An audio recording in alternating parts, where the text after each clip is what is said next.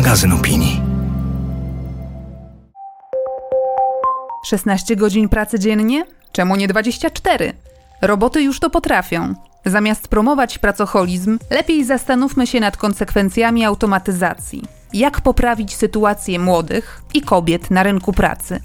Jaki zawód wybrać, jakie kompetencje szkolić, by utrzymać się na powierzchni cyfrowej rewolucji i nie dać się sztucznej inteligencji wysłać na technologiczne bezrobocie? O tym wszystkim porozmawiam w 17 odcinku podcastu Jak naprawić przyszłość.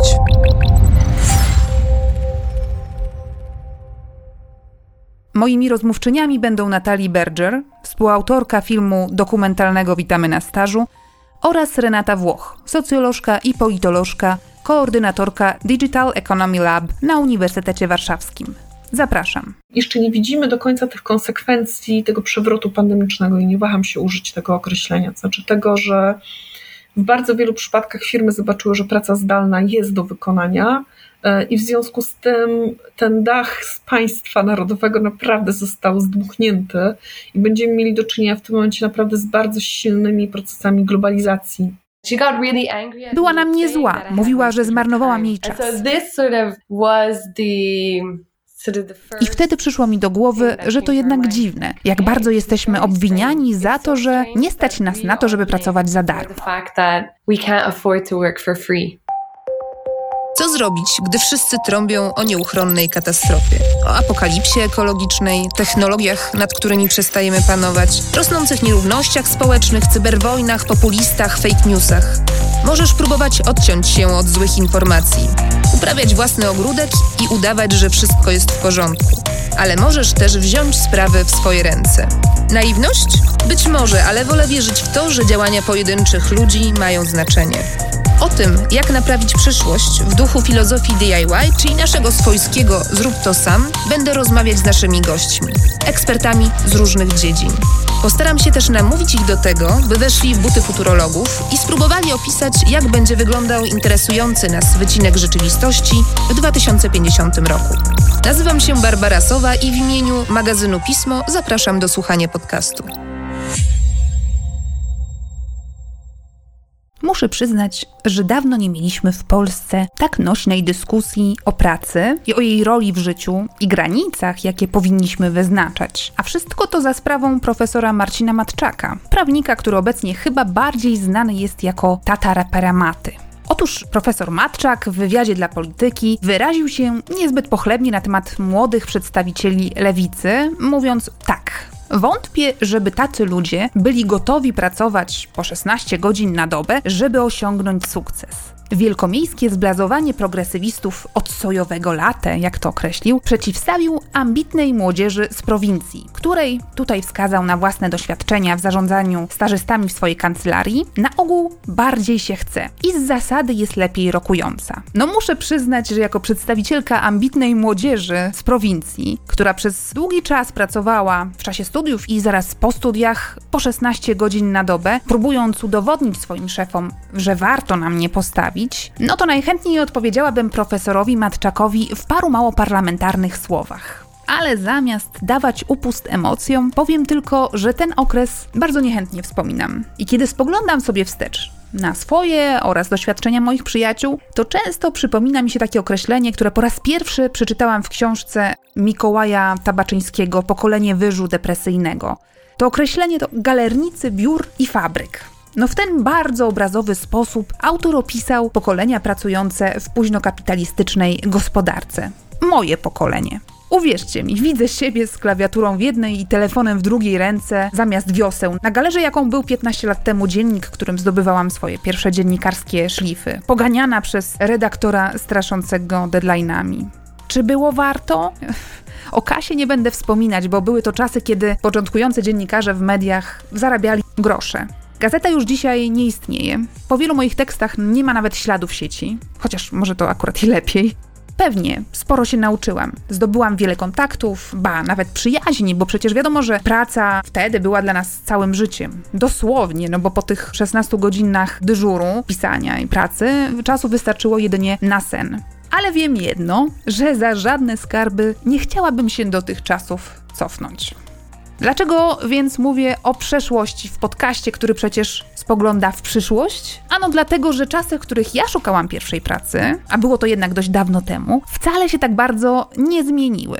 Wykorzystywanie ambicji, energii, słabszej pozycji, a czasem kompleksów młodych ludzi na rynku wciąż są na porządku dziennym. O tym wszystkim rozmawiam z Natalie Berger, współautorką filmu pokazywanego w ramach Festiwalu Filmów Dokumentalnych Her Dogs, który właśnie trwa. Jej dokument nakręcony wraz z przyjacielem Leo Davidem Hydem ma tytuł Witamy na stażu.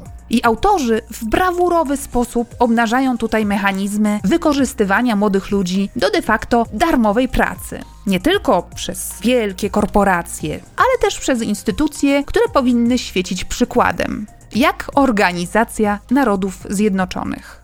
Od czego się zaczęło? David i ja właśnie obroniliśmy licencjat. Oboje studiowaliśmy nauki polityczne i byliśmy gotowi ruszyć w świat. Znaleźć pracę i zacząć robić wartościowe rzeczy. To było nasze marzenie. Zaczęliśmy szukać pracy i jedyne na co trafialiśmy to bezpłatne staże. Byliśmy raczej otwarci, szukaliśmy pracy na całym świecie, ale okazało się, co było dla mnie szokiem, że jedyne na co mogliśmy liczyć to bezpłatne albo kiepsko płatne staże z pensjami, które nie starczały na utrzymanie. Punktem zwrotnym dla projektu okazała się moja rozmowa kwalifikacyjna do pracy w Brukseli. Rekrutowali mnie przez telefon, bo nie mieszkałam wtedy w Brukseli. Rekruterka powiedziała, że mój profil im pasuje i że wszystko poszło świetnie. Ale na koniec zapytała: Wie pani, że to bezpłatne stanowisko? Odpowiedziałam, że tak, wiem, ale czy mogliby mi może pomóc z zakwaterowaniem, jedzeniem albo chociażby z transportem? Zaoferować jakąkolwiek pomoc? Nie, odpowiedziała. Napisaliśmy to wyraźnie w ofercie stażu. Jak śmiesz mnie o to pytać? Była na mnie zła. Mówiła, że zmarnowałam jej czas. I wtedy przyszło mi do głowy, że to jednak dziwne. Jak bardzo jesteśmy obwiniani za to, że nie stać nas na to, żeby pracować za darmo. And I think that was what started it. And then a month later, Jakiś miesiąc później to chyba David wpadł na pomysł, żeby pokazać ten proceder od środka. Show what's wrong from the inside. Wtedy oboje zaczęliśmy szukać staży, by zrobić film dokumentalny. To był efekt naszej frustracji i chęci zmiany systemu, a przynajmniej podjęcia takiej próby.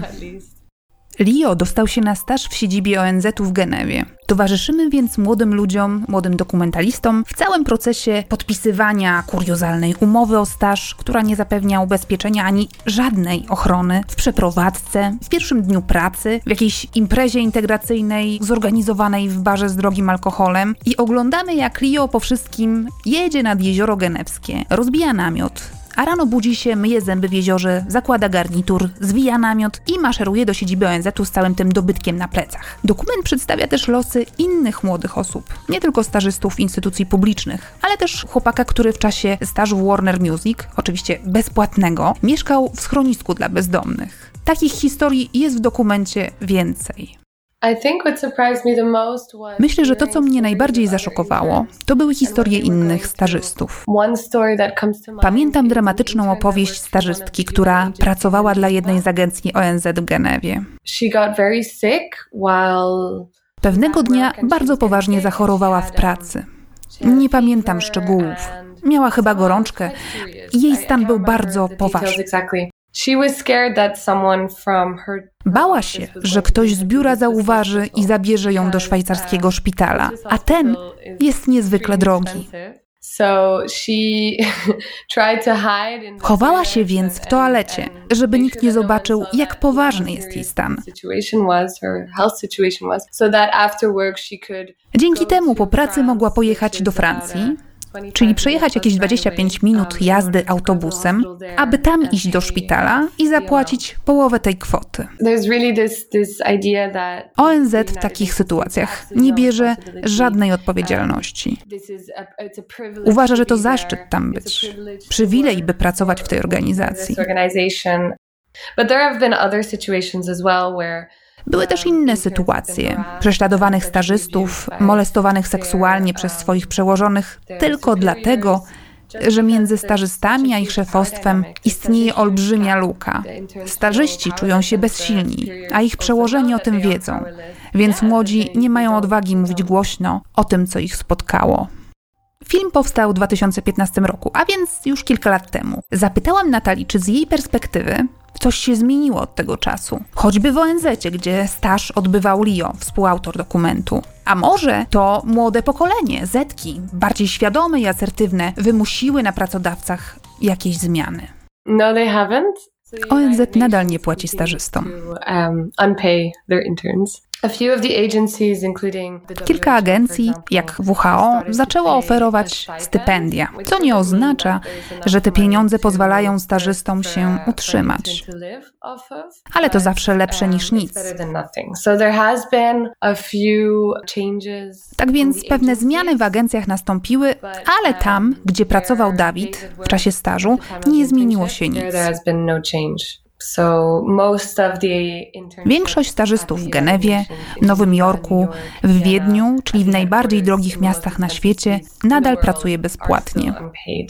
Problem zaczyna się od pracodawców, należących do pokolenia baby boomers, którzy często narzekają na moje pokolenie albo na pokolenia młodsze ode mnie, że nie jesteśmy konsekwentni, nie zostajemy zbyt długo w jednej pracy, łatwo się nudzimy. Ale oni powinni się zastanowić nad tym, dlaczego nie trzymamy się jednego miejsca pracy. Może nie czujemy się tam może nie mamy wystarczających zachęt do tego, by zostać, albo nie czujemy się doceniani. Jest dużo tematów, których ludzie z tego pokolenia powinni posłuchać. Skupiamy się na milenialsach, bo w czasie pracy nad filmem to my byliśmy tym pokoleniem, które próbowało zrobić swój pierwszy krok do kariery. Ale dzisiaj nadal niemal codziennie słyszę o bezpłatnych stażach, więc nic się nie zmieniło. Nie chcę generalizować na temat generacji Z, ale zauważam, że mają mniej bierne podejście do życia.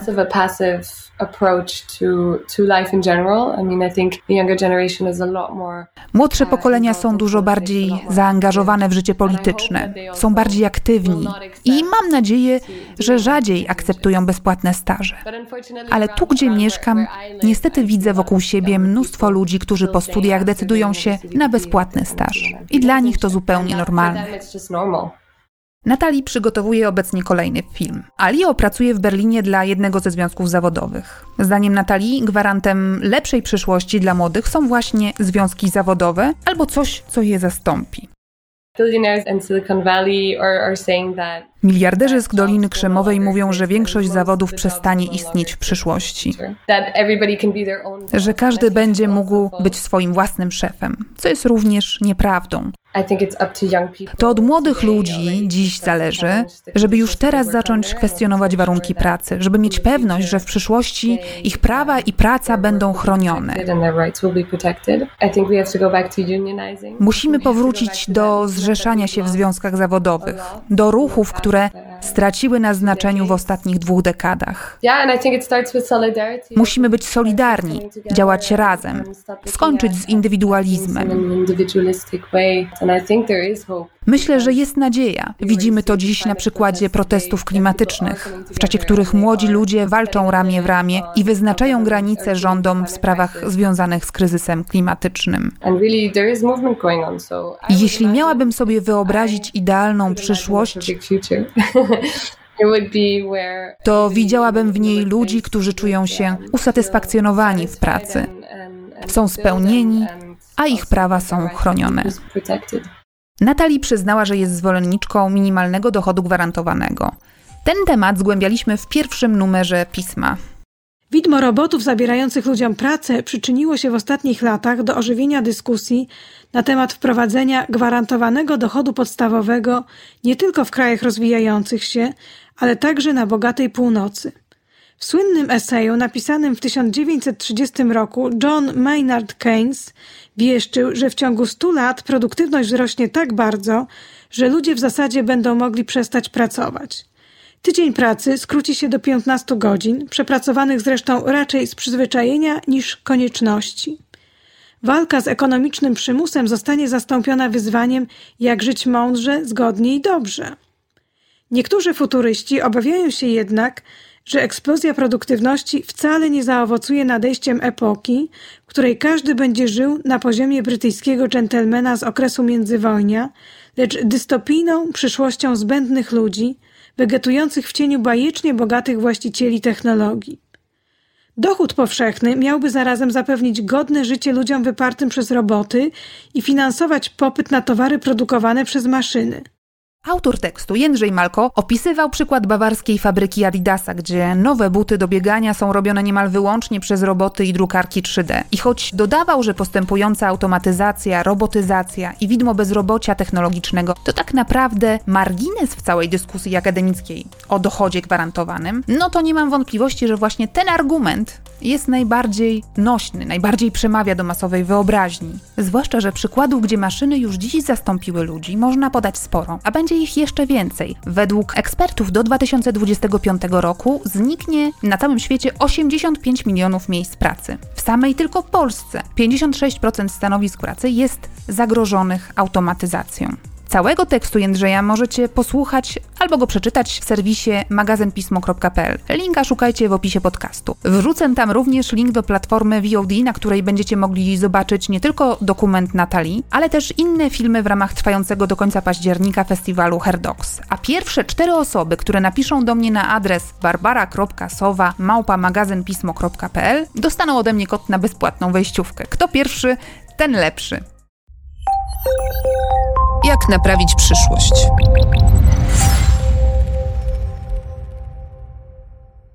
Nie trudno się domyślić, kto dziś najintensywniej myśli o tym, jak będzie wyglądał rynek pracy w przyszłości. No są to rodzice i młodzież, która właśnie zastanawia się nad tym, jaką drogę obrać, jaki profil w szkole średniej, jakie studia wybrać i czy w ogóle studiować. O tym, że zawody ewoluują, wiemy od wieków. No, spośród zawodów zarejestrowanych w ciągu ostatnich dwóch stuleci zniknęło ponad 1200. Nie ma już ani krzykaczy ulicznych, latarników czy demonstrantów niedźwiedzi a jeszcze w XIX wieku święciły one triumfy. No dziś zmiany postępują dużo, dużo szybciej i wpływają na znacznie więcej zawodów, jeśli nie na wszystkie. Richard i Daniel Suskind, ojciec i syn, a jednocześnie autorzy książki Przyszłość zawodów, jak technologia zmieni pracę ekspertów, wydanej w Polsce nakładem wydawnictwa Wolters Kluwer w 2019 roku, piszą, że młode osoby muszą zakładać, że albo będą konkurować z maszynami, albo je budować. Dlatego radzą dzisiejszym licealistom, licealistkom, studentom, studentkom obrać jedną z dwóch strategii zawodowych. Pierwszą jest wybranie takiego zawodu, który z bardzo dużym prawdopodobieństwem będzie przedkładać ludzkie możliwości możliwości nad sztuczną inteligencję, a więc w mniejszym stopniu polegać na wiedzy technicznej, w większym zaś na solidności, kreatywności i umiejętnościach interpersonalnych. Drugą strategią jest dążenie do bycia bezpośrednio zaangażowanym w rozwój i dostarczanie tych coraz zdolniejszych systemów, na przykład w roli inżyniera systemów, eksperta od danych czy inżyniera wiedzy. W dyskusji na temat przyszłości rynku pracy od wielu dekad słychać głosy zarówno pesymistów, jak i umiarkowanych optymistów. Ci pierwsi nazywani są często neoluddystami, od nazwiska domniemanego przywódcy XIX-wiecznych luddystów, tkacza z East Midlands, który zniszczył kilka maszyn przędzalniczych, powodowany strachem przed nadchodzącą rewolucją przemysłową. Dzisiejsi neoluddyści no, uznają technologię za podobne zagrożenie. Zresztą obawa przed bezrobociem technologicznym towarzyszyła w zasadzie każdej kolejnej rewolucji przemysłowej. Optymiści zaś przekonują, no w dużym skrócie, że owszem, może i maszyny zastąpią człowieka w wielu pracach, ale to nie znaczy, że tej pracy dla ludzi zabraknie. Rozwój technologii w ostatecznym rozrachunku zwiększy produktywność, liczbę zadań, a więc i liczbę miejsc pracy, a dodatkowo może się przyczynić do skrócenia czasu pracy i realizacji ideału społeczeństwa czasu wolnego. Zarówno pesymiści, jak i optymiści zgadzają się co do jednego. Automatyzacja jeszcze bardziej powiększy kompetencyjną dyskryminację. Jak temu zapobiec? Jak powstrzymać rozwój pracowniczego prekariatu? Kto może czuć się najbardziej zagrożony? O to wszystko zapytam profesor Renatę Włoch z Instytutu Socjologii i Delabu, czyli Interdyscyplinarnego Ośrodka Badawczego Uniwersytetu Warszawskiego. Jak naprawić przyszłość?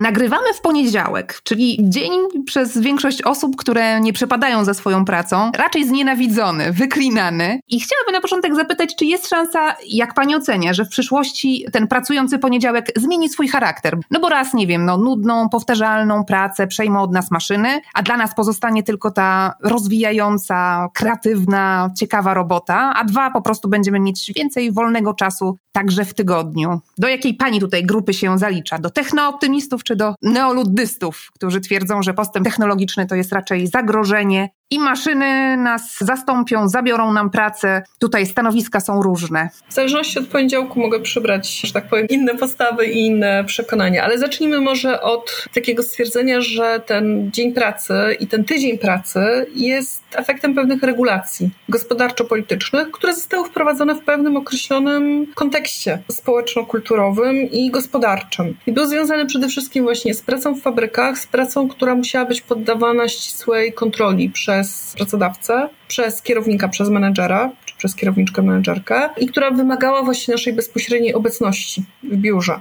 Tym momencie mamy cały szereg technologii, które powodują, że my możemy tą pracę zapośredniczać przez właśnie ekrany, przez technologie rozmaite i możemy tą pracę też wykonywać, no właśnie nie w tym szablonie od 8 do 16 czy od 9 do 17 to oczywiście może się wiązać z tym, że mamy więcej swobody w kształtowaniu swojej pracy, ale z drugiej strony może też wiązać się z tym zagrożeniem, o którym bardzo często się mówi, że ta praca nam się będzie rozlewać na życie prywatne. No właśnie na przykład w przypadku pracy akademickiej, która zdawałaby się właśnie jest taka kreatywna i tak dużo nam zapewnia swobody i tak dużo nam zapewnia też takiej satysfakcji i rozwoju intelektualnego, no właśnie wiąże się z tym podstawowym zagrożeniem. I ja myślę, że to będzie dotyczyło coraz większej liczby zawodów z drugiej strony, żeby wprowadzić nutkę pesymistyczną. Jeżeli będziemy mieli do czynienia faktycznie w przypadku niektórych zawodów z tym, że te nudne, rutynowe czynności przejmą od nas roboty i nam zostanie to, co kreatywne, to to będzie dotyczyło, jak pokazują badacze rynku pracy, na przykład Daniel Suskin, tylko niewielkiej części z nas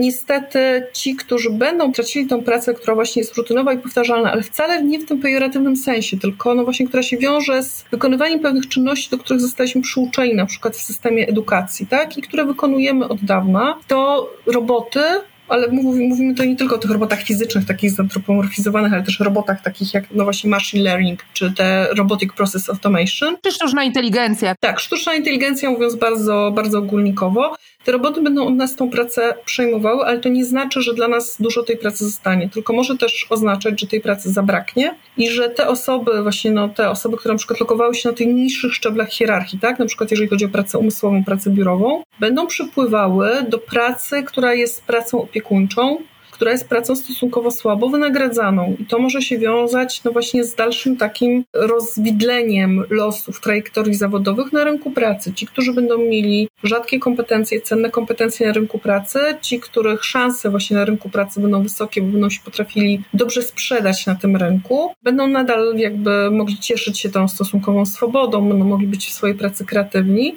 Natomiast część z tych, którzy dotychczas wykonywali pracę stabilną, być może nieco nudnawą, ale jednak stabilną, doświadczą w pełnej rozciągłości znacznie większej destabilizacji.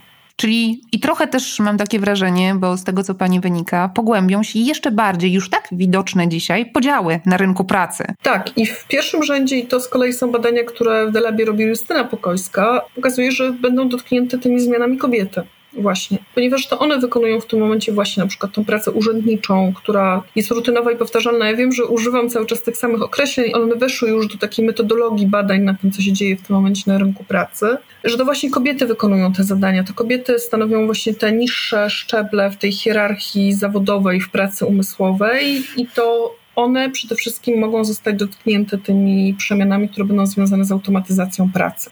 Ta luka płacowa, która nadal jest widoczna, ona się będzie w przyszłości pogłębiać? W tym akurat aspekcie powiem może nie bardziej optymistycznie, ile bardziej podmiotowo. To znaczy, to naprawdę bardzo wiele zależy od regulacji od tych regulacji dotyczących właśnie tego, jak kształtowane jest zabezpieczenie na rynku pracy, jak kształtowane są warunki na rynku pracy, od siły związków zawodowych. No możemy popatrzeć, co się w tym momencie dzieje w tych zawodach, które są bardzo mocno sfeminizowane, czyli zawód nauczycielski i zawody związane z opieką i ochroną zdrowotną. No to są właśnie też zawody, które są właśnie można powiedzieć taką przyszłością rynku pracy, to znaczy właśnie są w kontakcie ludzkim, dostarczają opieki, dostarczają troski. Te zawody są bardzo słabo wynagradzane, tak? Tak? I to jest pewna decyzja polityczna. Znaczy, gdzie my przemieszczamy w naszym systemie politycznym środki i kogo my na tym rynku pracy wynagradzamy. I myślę, że tu trzeba położyć właśnie bardzo mocny akcent na kwestie regulacji i kwestie wyborów politycznych, których dokonujemy. Zanim porozmawiamy sobie o tym, jaka powinna być rola państwa w kreowaniu polityki i w ogóle rozwoju rynku pracy, to może powiedzmy sobie o tym, jakie zawody już dziś można powiedzieć, że są zagrożone najbardziej automatyzacją i w ogóle postępem technologicznym, a jakie zawody dają szansę, dają tą pewność, że będzie dobrze, tak, że nie będziemy mieli problemu ani z tym, żeby znaleźć pracę i żeby to była dobrze płatna praca? Że zacznę od tej drugiej strony, czyli od tych zawodów, które mogą nam zapewnić sukces na rynku pracy. Wczoraj skończyłam właśnie czytać książkę Martina Forda, Rule of Machines, jego nową książkę i on tam pisze właśnie w takim optymistycznym tonie, że w tym momencie mamy do czynienia z wyjątkową sytuacją w dziejach, ponieważ każdy, kto ma tylko odrobinę zapału i chce się uczyć, może skorzystać z kursów na otwartych platformach edukacyjnych, nauczyć się programowania i wtedy czeka go świetlana przyszłość przyszłość na rynku pracy. No to chyba nawet właśnie wspomniany przez panią Daniel Suskind pisał w swojej książce o przyszłości zawodów profesjonalnych, że to jest jeden z takich pozytywnych aspektów, że ta wiedza profesjonalna, ona się otwiera, ona będzie coraz bardziej dostępna dla ludzi, którzy no, wcześniej nie mieli dostępu do, nie wiem, kodeksów analiz prawnych czy specjalistycznej wiedzy. I to jest pozytywny aspekt, ale... To jest pozytywny aspekt, ale znowu można powiedzieć, że nawet same kompetencje pozwalające sięgać po tego typu kursy, postawy i motywacje, które mówią nam, że może warto byłoby się dokształcać, to wszystko też jest bardzo mocno warunkowane klasowo. To zależy od typu socjalizacji, który dostajemy, od właśnie zestawu wartości, które wynosimy też z domu. Po drugie, inne badania pokazują jasno, że właśnie te zawody, które w tym momencie wydają się Eldorado na rynku pracy, czyli właśnie na przykład zawód programisty, są te zawody, które są bardzo łatwo tak naprawdę automatyzowalne. To znaczy, sztuczna inteligencja bardzo dobrze radzi sobie właśnie z programowaniem, bardzo szybko się uczy. Problem tylko polega na tym, dopóty ludzki pracownik jeszcze będzie tańszy niż zapuszczanie algorytmów uczenia maszynowego na te duże zbiory danych i jakby uczenie tej sztucznej inteligencji, bo wiadomo, że to jest bardzo kosztochłonne, bardzo energochłonne, dotąd jeszcze jakby ludzie pod tym kątem są tańsi. W moim pokoleniu, ale też myślę, że w pokoleniu obecnych dzieciaków, które zdają maturę i zastanawiają się, co robić dalej, no to chyba taki mit funkcjonuje, że jak zostaniesz programistą i będziesz ogarniał kody takie czy inne, no to raczej problemu ze znalezieniem pracy nie będziesz miał, miała. A tu się okazuje, że niekoniecznie. Każdy, kto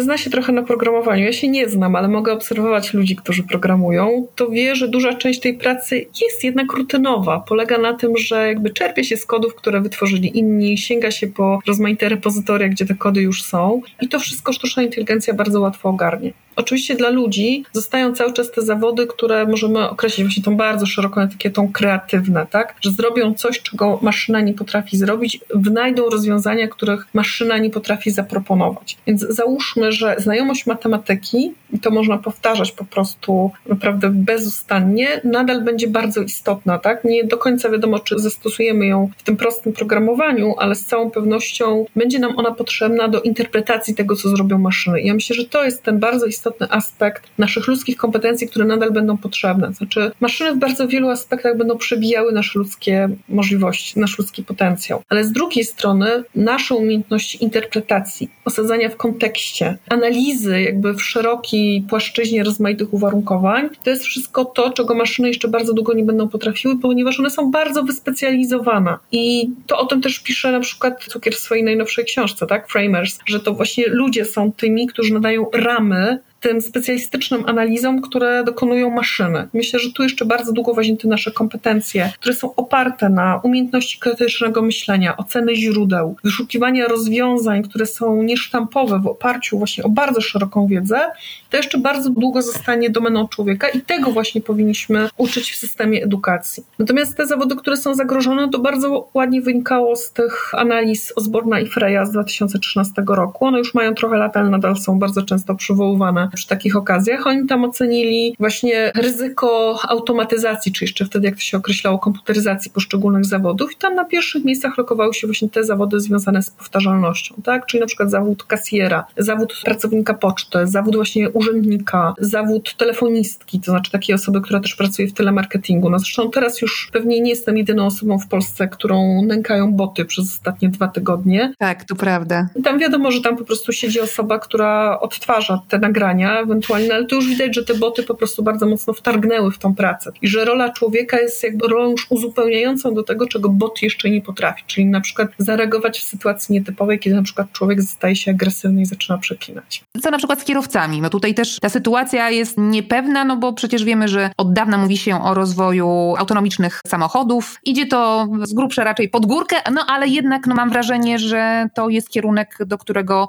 zmierzamy. Czy zawód kierowcy zniknie? Zawód kierowcy tak szybko pewnie nie zniknie, bo oczywiście jest to, że z, z samochodami autonomicznymi był związany pewien bardzo mocny hype w ogóle w tym dyskursie wokół sztucznej inteligencji, napędzany przez kilku bardzo gładko mówiących inwestorów i startupowców. Natomiast problem z autonomicznymi samochodami jest podobny jak w przypadku w ogóle sztucznej inteligencji. Znaczy, sztuczna inteligencja dobrze się odnajduje w warunkach ścisłej specjalizacji, natomiast zmiana warunków brzegowych powoduje, że ona się totalnie gubi. I teraz można przewidzieć, że w przeciągu najbliższych lat autonomiczne pojazdy, tak jak już zresztą się to na przykład dzieje w Paryżu, czy tak jak się dzieje w niektórych kopalniach, będą się poruszały po jasno wyznaczonych jakby terytoriach, tak, w jasno wyznaczonym terenie. Natomiast w momencie, kiedy mamy do czynienia z tak dużą liczbą czynników, nieprzewidywalnością tego, co się dzieje na drodze, no to można powiedzieć, że te sztuczne samochody nie oferują jeszcze tej wartości, jaką oferuje ludzki kierowca, tak? Natomiast nadzieja związana z tym, że te miliony ludzi, którzy co roku giną na drogach, przestaną ginąć dzięki temu, że my wpuścimy autonomiczne samochody, no w tym momencie jeszcze rozbija się właśnie o ten mur, kiedy mówimy sprawdzam i okazuje się, że to autonomiczne samochody właśnie nie radzą sobie w tych nieprzewidywalnych sytuacjach. To, co można powiedzieć, to to, że w tym momencie te firmy, które wytwarzają samochody autonomiczne, rozumieją dobrze, że ich przewaga tkwi w danych, które mogą zbierać. Te samochody są wyposażone w kamery, te samochody zbierają ogromne ilości danych kilkaset już w tym momencie tysięcy tych samochodów zbiera bezustannie te dane i tych danych jest coraz więcej, ta sztuczna inteligencja może się coraz lepiej uczyć. Tylko znowu problem polega na tym, że osiągamy w pewnym momencie barierę opłacalności ekonomicznej, bo wiadomo, że jakby te algorytmy muszą bezustannie te dane mielić. To jednak kosztuje, że ta łączność musi być bardzo dobra, żeby jakby bezustannie analizować to, co się dzieje na drodze. No więc myślę, że za pięć lat nie będziemy mieli jeszcze autonomicznych samochodów na drogach i zawód kierowcy nie jest zagrożony. Zresztą widać, co się dzieje w tym momencie chociażby w Wielkiej Brytanii, ale też w całej Europie, że tych kierowców raczej dramatycznie brakuje. Więc myślę, że jeszcze przez jakiś czas kierowcy mogą się czuć niezagrożeni, chociaż Osborne i Frame faktycznie przewidywali, że ten zawód zniknie bardzo szybko. A to jeszcze raz pokazuje, że nauki społeczne są bardzo dobre w diagnozie, ale już w przewidywaniu nie do końca. Ja sama się zastanawiałam, bo jak czytałam te raporty, bardzo często pojawiało się w nich zawód dziennikarza również. Nie ukrywam, że ze moimi znajomymi często rozmawialiśmy na temat tego, jaka będzie przyszłość naszego zawodu. Bo najpierw obserwowaliśmy już na własnej skórze wpływ kryzysu na rynku prasy, rozwoju internetu, ten negatywny wpływ na nasz zawód, a teraz powoli widzimy, jak częściowo tam jednak sztuczna inteligencja jakieś tam elementy wykonywane do tej pory przez dziennikarzy również zagarnia. Ja nie ukrywam, że czytam te teksty, chociażby jakieś takie podsumowania dotyczące wyników giełdowych, pisane przez sztuczną inteligencję i one absolutnie są ok. Nie mogę nic im zarzucić. Ale są ok, dlatego że tu nie ma niuansów ani dylematów. Znaczy, pisze się je według pewnej sztampy, według pewnego wzorca. Więc pani mówi o zawodzie dziennikarza, ja mogę powiedzieć o zawodzie wykładowcy, którego elementy też się bardzo mocno zmieniają w stosunku do tego, jak ten zawód wyglądał jeszcze kilka, kilkanaście lat temu. Już prowadzę zajęcia od dobrych kilkunastu lat, aż wstyd się przyznawać, ale to jest tak, że ja zupełnie inaczej uczę w tym momencie moich studentów, niż zaczynałam ich uczyć na początku jeszcze XXI wieku. Znaczy, przestaję od nich wymagać na przykład wiedzy, bo to jest bez sensu. Ich afordancją są już w tym momencie ich smartfony, ich iPady. Nie ma sensu jakby narzucać im tej encyklopedycznej wiedzy. Oni muszą wiedzieć, jak tą wiedzę wykorzystywać, jak ją stosować w praktyce. Ale też na przykład w tym roku ponagrywałam swoje wykłady właśnie w postaci podcastów. I to też było niesamowicie trudne dla mnie. Ten brak elementu interakcji ze studentami okazał się po prostu wykańczający emocjonalnie. To było najciekawsze właśnie w tym doświadczeniu. Ale myśli Pani, że w przyszłości właśnie ten kontakt bezpośredni w przypadku no, przekazywania jednak wiedzy, on nie pozostanie kluczowy? Nie we wszystkich elementach, właśnie nie we wszystkich elementach. Jak się okazuje, w przypadku nadal takiej wiedzy, która jest wygłaszana, powiedzmy sobie szczerze, ex katedra i która nie zakłada tak naprawdę dialogu, tylko zakłada przekaz właśnie pewnej wiedzy w sposób uporządkowany i narzucający pewną ramę interpretacji, a tym w końcu jest wykład. Myślę, że ten podcast czy nagrany wykład wystarczy. On powinien być aktualizowany, to nie powinno być tak, że nagrywamy wykład i potem go odtwarzamy przez 10 lat. Natomiast on wystarcza pewnym sensie, bo to jest właśnie, to jest wiedza, która jest linearna, która jest jakby z zasady jednostronna. Natomiast absolutnie w przypadku właśnie ćwiczeń, konwersatoriów, tu ten ludzki kontakt jest potrzebny, ale to pokazuje właśnie, jak się zmienia praca wykładowcy, jak się zmieniają też kanały kontaktu, jak się zmieniają relacje ze studentami. One są znacznie bardziej personalne niż były kiedyś indziej, ponieważ studenci do mnie piszą cały czas maile, piszą do mnie na Messengerze, piszą do mnie na Twitterze, czyli ja mam poczucie, że jestem cały czas otoczona moimi studentami. Ja to bardzo lubię, nie narzekam na to, ale to jednak pokazuje właśnie znowu to rozmywanie tego, co kiedyś było dosyć wyodrębnionym, powiedzmy sobie szczerze, sferą aktywności, a tym, co dzieje się obecnie. I to pokazuje znowu, wracając do głównego tematu naszej rozmowy, tak, że pewne elementy zadań wchodzących w zawód wykładowcy akademickiego będą się zmieniały. Pewne być może będą automatyzowane, na przykład system oceniania. Znowu, ja nie przypadam za tym, uważam, że to jest taka McDonaldyzacja edukacji, kiedy my po prostu testujemy tych studentów, sprawdzając właśnie tą encyklopedyczną wiedzę. I też zmieniłam w tym roku po doświadczeniu pandemicznym sposób zaliczania przedmiotów. Żadnych testów już więcej, tylko po prostu take home exams, czyli po prostu studenci będą dostawali esej i mają zinterpretować pewne zjawisko, nie śpiesząc się, korzystając ze wszystkiego, do czego mają dostęp w internecie, byleby nie popełniali plagiatów, a pewne elementy właśnie będą wymagały ode mnie właśnie znacznie większej kreatywności niż dotychczas, tak, w sposobie prowadzenia ludzi. Więc myślę, że nasze zawody są faktycznie dobrym laboratorium tych zmian, które zachodzą w odniesieniu do właśnie do tych zawodów umysłowych, zawodów kreatywnych. W przypadku naszych zawodów trudno powiedzieć jednoznacznie, znikną, nie znikną, one będą ewoluowały. Ale wspomniała Pani, bo chciałabym wrócić do tych programistów, to znaczy, no chyba możemy jednak powiedzieć, że w przyszłości jednak zawody związane z nowymi technologiami to będą te zawody, które będą premiowane. Tylko jakie to będą zadania, jakie to będą zawody, być może już istniejące, a być może zupełnie nowe. Widzę to tak, że wszystkie zawody będą stechnologizowane. W obszarze każdego zawodu będziemy mieli do czynienia z zadaniami, które będą wymagały od nas funkcjonowania w środowisku, które będzie przesycone technologią. I każdy, każda z nas będzie musiał nabyć kompetencje, które pozwolą nam z tymi technologiami obcować, wykorzystywać te technologie jako wzmocnienie właśnie naszych potencjałów, ewentualnie przyzwyczaić się do roli osoby, tego, jak to się mówi, substratu białkowego, który będzie wzmacniał z kolei potencjał technologii, tak? No bo pewnych rzeczy roboty się jeszcze bardzo długo nie nauczą robić. Na przykład mają problem z chwytaniem, to jest wiadomo, więc możemy zautomatyzować sobie halę logistyczną, dajmy na to Amazona, ale nadal precyzyjne chwytanie to dla robotów jest trudna rzecz, właśnie wymagająca dużego nakładu energii, dużego nakładu kosztów, żeby robot robił to precyzyjnie, tak jak to robi człowiek. Więc człowiek nadal jeszcze będzie przez bardzo długi czas tańszy. Ale według mnie to, co się będzie działo na rynku pracy, to będzie to, że będziemy pracować z technologiami.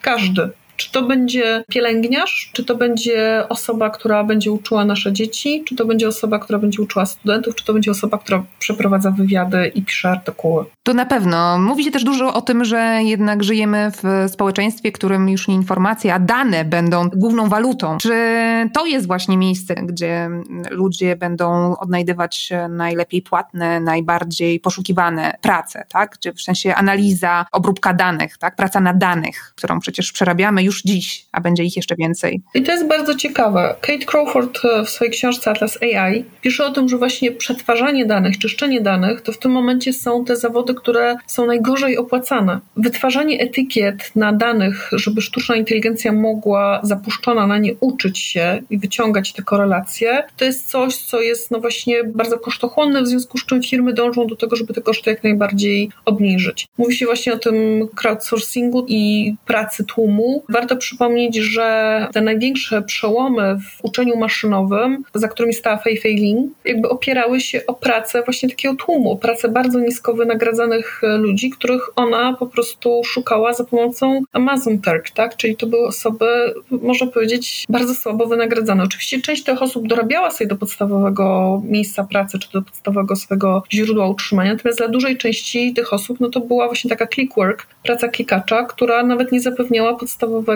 utrzymania. Mówi się o tym, że w tym momencie istnieją właśnie takie farmy osób, które dokonują etykietowania danych w Afryce, tak, w obozach dla uchodźców, gdzie żeby na przykład skorzystać z internetu, to trzeba najpierw poklikać, tak, więc to wytwarza zupełnie nowe obszary nierówności. Z drugiej strony ta analiza danych to według mnie będzie obszar, który bardzo szybko będzie zagarniany przez roboty process automation. Bo to jest ta rzecz, która właśnie jest rutynowa, która jest oparta na pewnych wzorcach. Człowiek może wyuczyć sztuczną inteligencję wykonywania tych czynności, a potem ta sztuczna inteligencja będzie się uczyć sama. A gdzie tu będzie miejsce dla człowieka? Miejsce dla człowieka będzie w interpretacji tego. To znaczy, ta sztuczna inteligencja wyrzuci, ta, jak w powieściach Douglasa Adamsa, jakąś liczbę.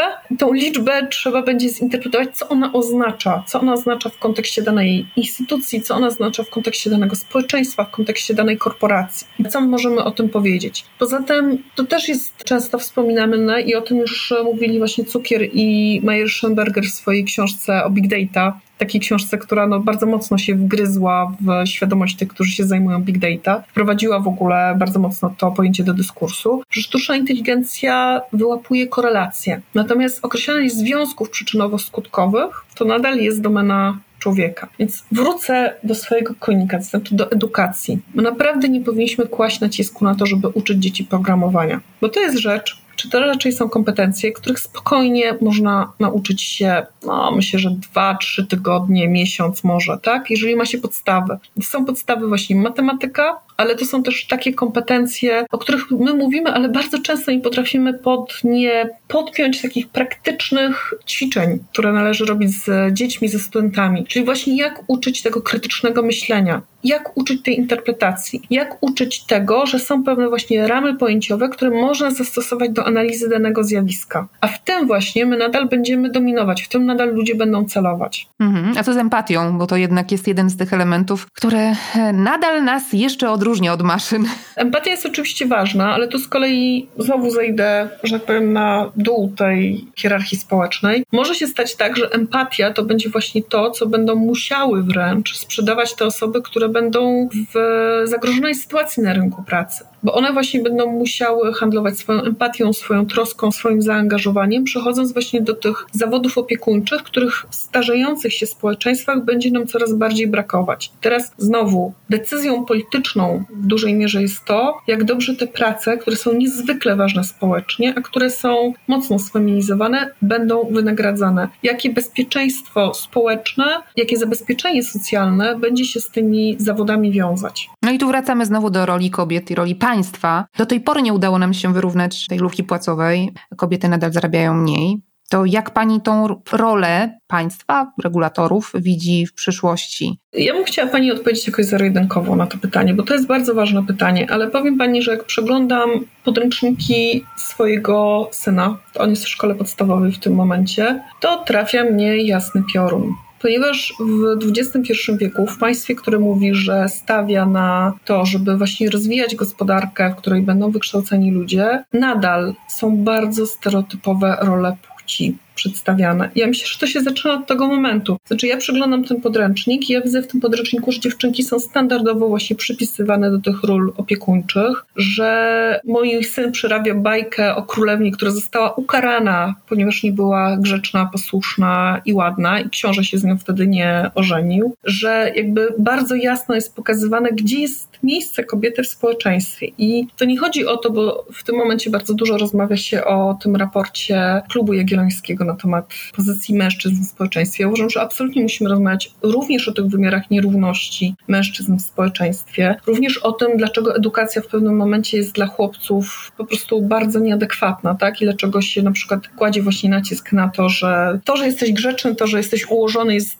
pozytywnie jakby wartościowane i wynagradzane, ale z drugiej strony uważam, że ta przemoc symboliczna, polegająca na tym, że my wkładamy kobiety w pewne etykiety, właśnie związane z tym, że Twoją rolą jest przede wszystkim właśnie zapewniać empatię, zapewniać opiekę, realizować się przede wszystkim w tradycyjnych rolach rodzinnych. My po prostu robimy tą wodę z mózgu dziewczynkom od samego początku edukacji, tak? Jeżeli tego nie zmienimy na tym poziomie wczesnej socjalizacji, tak? I nie będziemy mówiły, że dziewczyna może być programistą, może być technikiem komputerowym, może być genialnym matematykiem. Dziewczyny na Politechniki to jest to, co doktor Bianka Siwińska też bardzo mocno podkreśla i Justyna Pokojska w swoich badaniach również, że jakby nie zrobimy tego od dołu, to w momencie, kiedy my dostajemy tych ludzi, którzy już idą na studia, to oni już są w specyficzny sposób sformatowani, tak? Znaczy już mają uwewnętrznione również te przekonania, co oni powinni w życiu robić i jak powinny wyglądać ich trajektorie zawodowe. No tak, i to jest, ja wiem, że to może nie do końca jest bardzo e, precyzyjna odpowiedź na Pani pytanie, ale ja myślę, że musimy po prostu bardzo wnikliwie szukać przyczyn tego problemu po prostu u samego źródła. W tym sensie, jakie my mamy nastawienia, a dopiero potem się zastanawiać, że jak już mamy te kobiety na rynku pracy i one faktycznie są lepiej wykształcone, ale pomimo tego, że są lepiej wykształcone, to jednak osiągają gorsze pozycje zawodowe niż mężczyźni i są słabo wynagradzani. To znaczy, że mamy do czynienia z jakimś strukturalnym pęknięciem w naszym systemie edukacji temat morze, prawda? I tutaj pewnie mnóstwo wątków z naszej rozmowy można byłoby poruszyć, bo przecież chociażby sam fakt, o którym pani wspomniała, czyli odejście od wkładania ludziom wiedzy do głowy na rzecz właśnie rozwijania tych kompetencji, które będą premiowane w przyszłości, to jest chociażby jeden z elementów. Także tutaj pewnie ciężko byłoby nam skończyć. Natomiast ja chciałabym zapytać panią o formy pracy. Czy pani zdaniem w przyszłości nie będzie etatów? Czy my odejdziemy od takiego klasycznego etatu? Znowu odwracając trochę kota ogonem. Jest tak, że etat jest pewną specyficzną formą zapewnienia bezpieczeństwa społecznego. To znaczy z etatem wiążą się pewne przywileje. Z etatem wiąże się to, że mamy prawo na przykład do chorowania w spokoju, kiedy nie jesteśmy w stanie iść do pracy, że mamy jakieś zabezpieczenie na wypadek tego, gdybyśmy się stali niepełnosprawni, że mamy emeryturę, że mamy pensję, którą otrzymujemy regularnie i że pracodawca ma pewne obowiązki względem nas. I etat jest pewną, no właśnie pewnym kontraktem pomiędzy nami a pracodawcą. Etat tak naprawdę nie wiąże się z tym, że my pracujemy w ścisłym wymiarze godzin, bo możemy mieć też pracę zadaniową. W momencie, kiedy niknie ten kontrakt, to nasze prawa pracownicze po prostu bardzo na tym cierpią. I teraz tym, co musimy przemyśleć na nowo w kontekście gospodarki cyfrowej, jest to, jaki my kontrakt chcemy wypracować pomiędzy sobą a pracodawcą i kto powinien tak naprawdę zapewniać nam no, te wszystkie przywileje, o których powiedziałam. Czy to ma być pracodawca, czy to może powinno być państwo, bo właśnie tego dotyczą te wszystkie dyskusje dotyczące dochodu gwarantowanego. Praca platformowa, która się w tym momencie bardzo upowszechnia,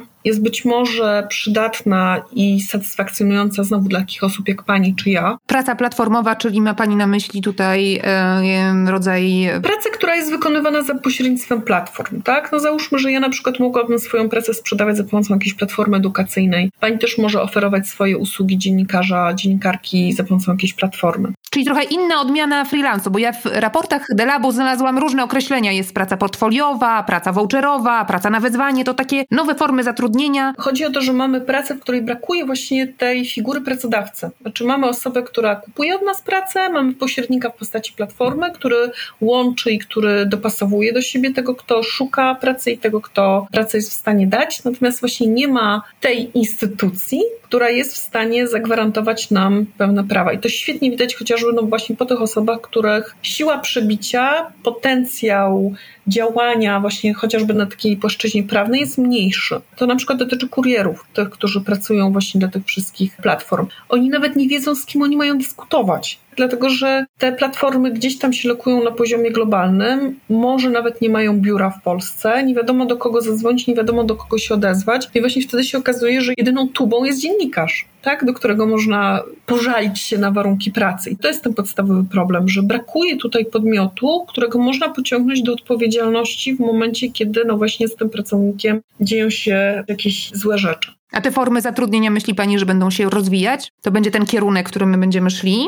Ja myślę, że większość zawodów będzie szła w tym kierunku, również dlatego, że te zadania w obrębie zawodów poszczególnych będą coraz bardziej rozczłonkowane Część z nich właśnie przejmie sztuczna inteligencja, a część z nich zostanie wystawiona na konkurencję na tym globalnym rynku pracy. Richard Baldwin w swojej najnowszej książce globalizacji mówi o tym, że my w tym momencie będziemy mieli do czynienia z takim telekomitingiem, w tym sensie, że na nasz rynek pracy lokalny będą napływali za pośrednictwem internetu, za pośrednictwem tych wszystkich nowych technologii pracownicy, którzy będą mieli kompetencje albo zbliżone do naszych, albo nawet dużo wyższe niż nasze, ale pochodzące z krajów, w których praca jest tańsza czyli na przykład z Indii czy z Republiki Południowej Afryki. To już na przykład świetnie widać w tym momencie. Ciekawa jestem, jak to się będzie rozwijało w ciągu następnych kilku lat. Tą platformizację pracy w odniesieniu do lektorów językowych. Ponieważ coraz większa liczba osób, i to w czasie pandemii rozwinęło się bardzo, uczy się za pośrednictwem platform. Dzieci uczą się języka, na przykład rozmawiając z lektorami z, nie wiem, z RPA czy z Kalifornii dajmy na to, albo nawet z Filipin, którzy Filipińczycy w dużej mierze mówią bardzo dobrze po angielsku i no właśnie można kupić sobie lekcję u Filipińczyka. Ale za chwilę będzie się o tym tydzień temu pisano w Ekonomiście, że rozwija się właśnie rynek edukacyjny, rynek korepetycji, który też jest bardzo mocno splatformizowany, że już zwłaszcza dla tej aspirującej klasy średniej ta edukacja, która jest dostarczana jakby w formalnym systemie edukacji jest niewystarczająca, że jakby równolegle w sposób znacznie mocniejszy niż dotąd pojawia się ten rynek korepetycji korepetycji, ale korepetycji prowadzonej właśnie nie w bezpośrednim kontakcie, tylko korepetycji prowadzonej za pomocą platform. I teraz jaki to będzie miało wpływ na lokalny rynek pracy, właśnie na nauczycieli językowych, którzy są w Polsce i którzy dotychczas na przykład prowadzili właśnie te lekcje za pośrednictwem no, takich lekcji na przykład zbiorowych. Znaczy ja uważam, że korzyść dla konsumenta z tego, że ma lekcję jeden na jeden z lektorem, który jest native speaker, jest znacznie wyższa niż korzyść z lekcji prowadzonej w grupie 10 osób, prowadzonych przez lektora, który jest Polakiem. Zapewne, ale wie pani co, ja tak sobie myślę, że oczywiście są plusy, elastyczność kilku pracodawców i rzeczywiście jednostki takie wybitne, jednostki aktywne, jednostki takie, które potrafią się przebić, na pewno na tym skorzystają, ale z drugiej strony, jak tak sobie o tym myślę, to pachnie mi jednak prekariatem i takimi, taką pracą bez żadnych socjalnych zabezpieczeń, bez żadnych gwarancji. I ja się zastanawiam, na ile my w przyszłości będziemy coraz mniej chronieni, jak my jako właśnie odbiorcy tych zleceń.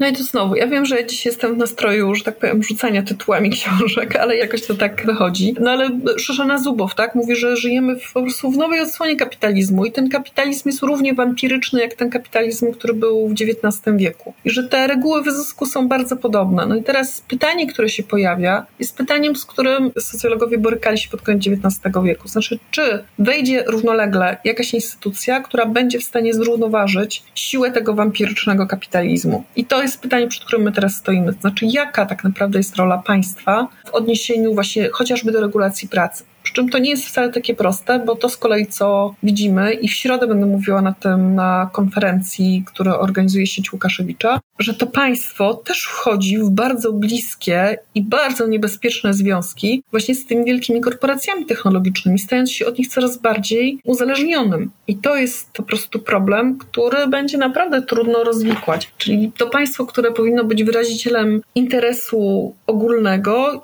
jakby dobra publicznego, może być do tego stopnia uzależnione od tych zewnętrznych systemów, tak na to informatycznych, które podpinają jego działanie, że nie będzie w stanie tak naprawdę być tym naszym głosem, być tą naszą tubą broniącą naszych interesów. A widzi Pani miejsce w przyszłości dla związków zawodowych? To znowu jest, odpowiedź na to pytanie jest bardzo uzależniona od kontekstu danego państwa, bo na przykład w tym momencie w Niemczech wyraźnie widać, że rola związków zawodowych w okresie popandemicznym bardzo wzrosła. I że to związki zawodowe w momencie, kiedy właśnie brakuje rąk do pracy w bardzo wielu obszarach gospodarki, dyktują zasady gry.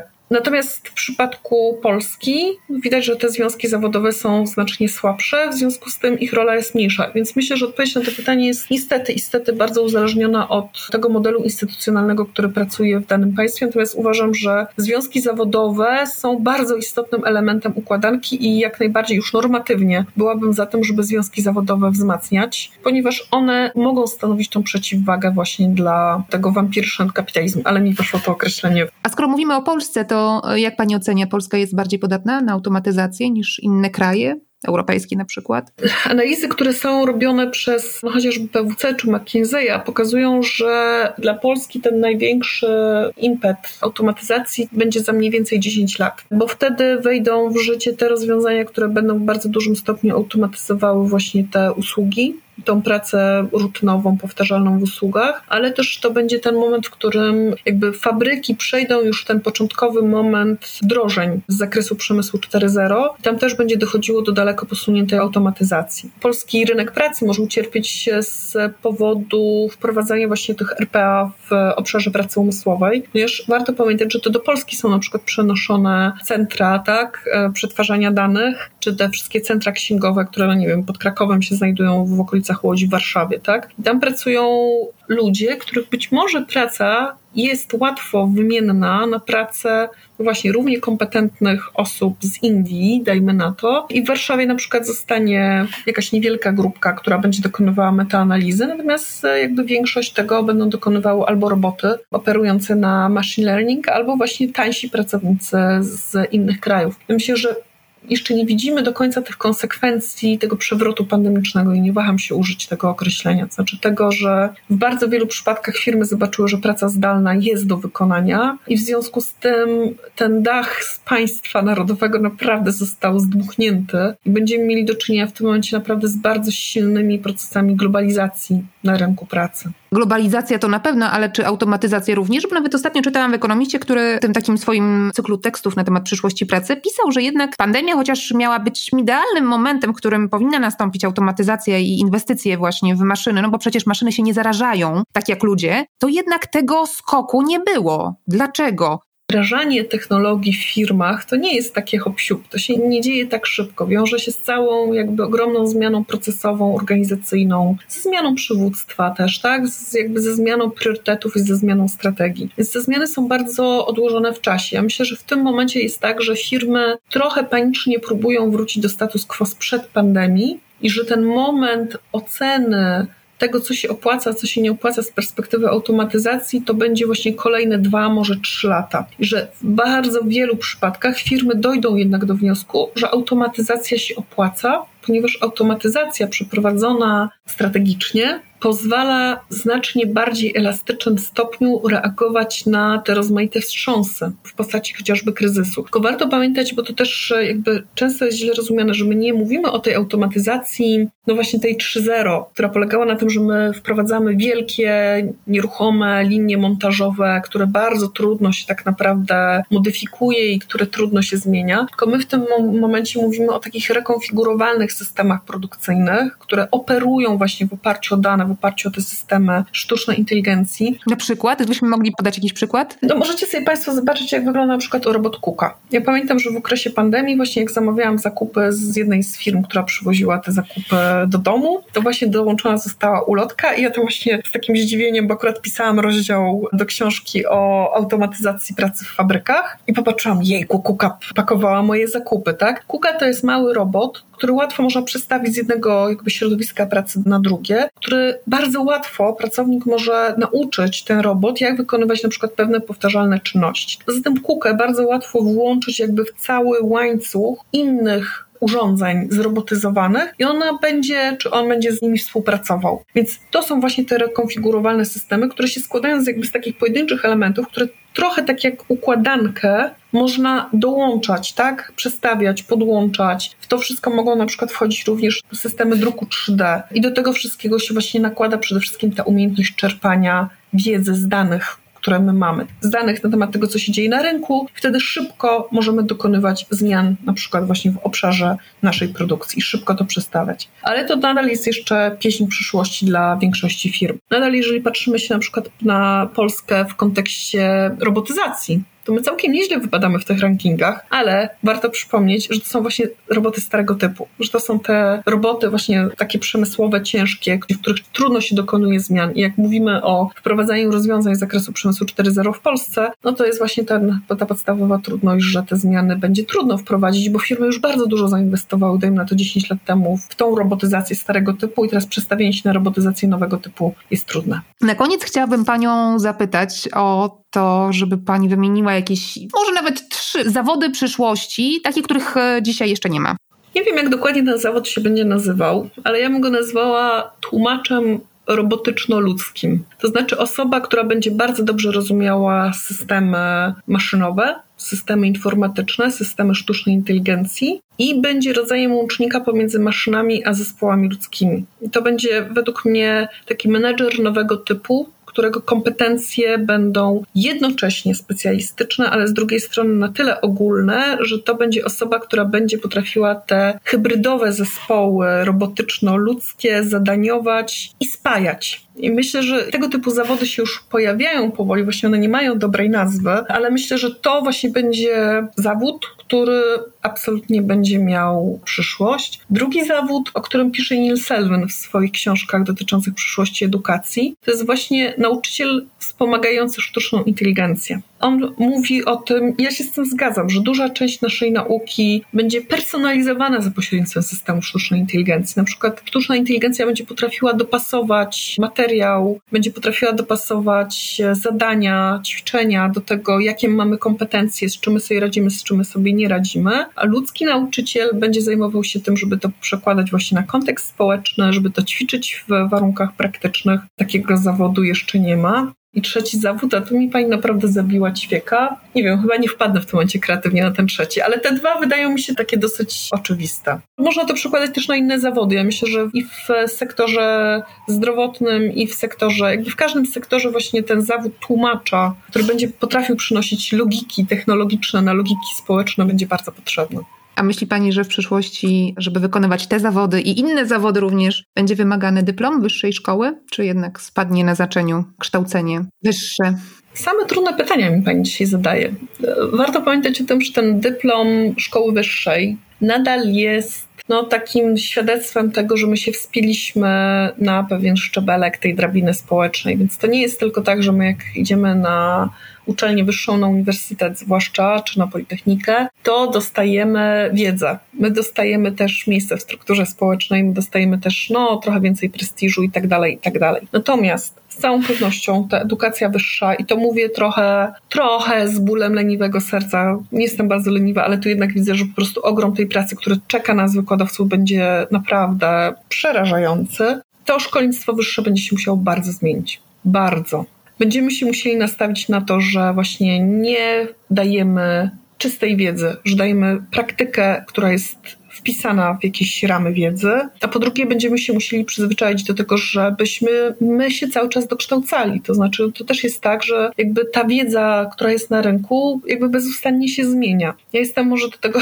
trochę bardziej przyzwyczajona, bo ja się szybko nudzę i ja bardzo często zmieniam swoje pola zawodowe. Zaczynałam od socjologii stosunków międzynarodowych przez socjologię sportu, teraz jestem w socjologii cyfrowości, a jeszcze po drodze się zajmowałam integracją imigrantów. Więc dużo tego było, jak próbuję powiedzieć komuś, o czym pisałam poprzednie książki, to wychodzi z tego niezły miszmasz, ale myślę, że to jest trochę ta droga, to znaczy będziemy musieli się nauczyć, jak się uczyć. To jest znowu pewien banan, który jest powtarzany, ale tak faktycznie będzie. I jak zapominać tę wiedzę, która już jest nam niepotrzebna. Bo nie będzie zawodu, jednego zawodu wyuczonego przez całe życie, ale raczej kilka.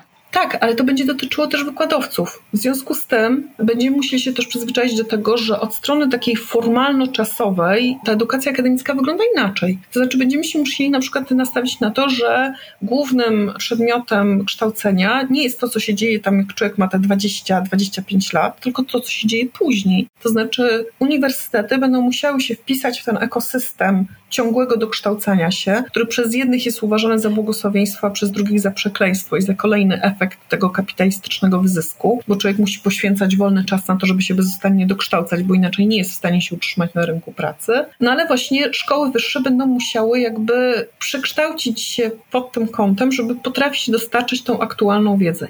Tu jeszcze jedna rzecz bardzo ważna, a to oznacza, że my nie możemy po prostu się zamykać i być właśnie w tej wieży z kości słoniowej, tylko my musimy bezustannie być na tym styku z biznesem, z instytucjami publicznymi, z organizacjami pozarządowymi. I tu powiem, robiąc bezczelną reklamę, że wydaje mi się, że to jest to, co my właśnie w Delabie robimy. To znaczy, my po prostu wychodzimy do tego biznesu, staramy się mówić tego biznesu językiem biznesowym. Nie mówię, że nam się to zawsze udaje, bo jesteśmy akademikami i, że tak powiem, charyzmatyczny język i umiejętność owinięcia bawełną pojęciową prostego, że tak powiem, przekazu jest naszą naprawdę cenną umiejętnością. No ale jednak próbujemy to robić i myślę, że to jest przyszłość e, uniwersytetu. I myślę, że to jest dobre zakończenie naszej dzisiejszej rozmowy. Bardzo, bardzo serdecznie dziękuję.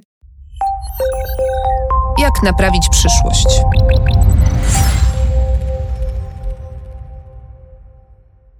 W opisie podcastu znajdziecie listę tytułów książek zarekomendowanych przez moją rozmówczynię, które pozwolą Wam zgłębić wiedzę w tym temacie. No bo nie ukrywam, że temat jest szeroki i pewnie będę jeszcze do niego wracać w kolejnych odcinkach. Piszcie do mnie w sprawie kodów na online'owe seanse w ramach festiwalu Herdox. Przypominam adres barbara.sowa. Bardzo, bardzo dziękuję Wam za wysłuchanie tego odcinka. Jeśli chcecie sięgnąć po więcej, zasubskrybujcie kanał Jak Naprawić Przyszłość albo Pismo do słuchania w najpopularniejszych platformach podcastowych, bo znajdziecie tu na pewno więcej inspirujących treści. Ja się nazywam Barbara Sowa i na kolejny odcinek zapraszam Was za miesiąc. Do usłyszenia. Jak naprawić przyszłość?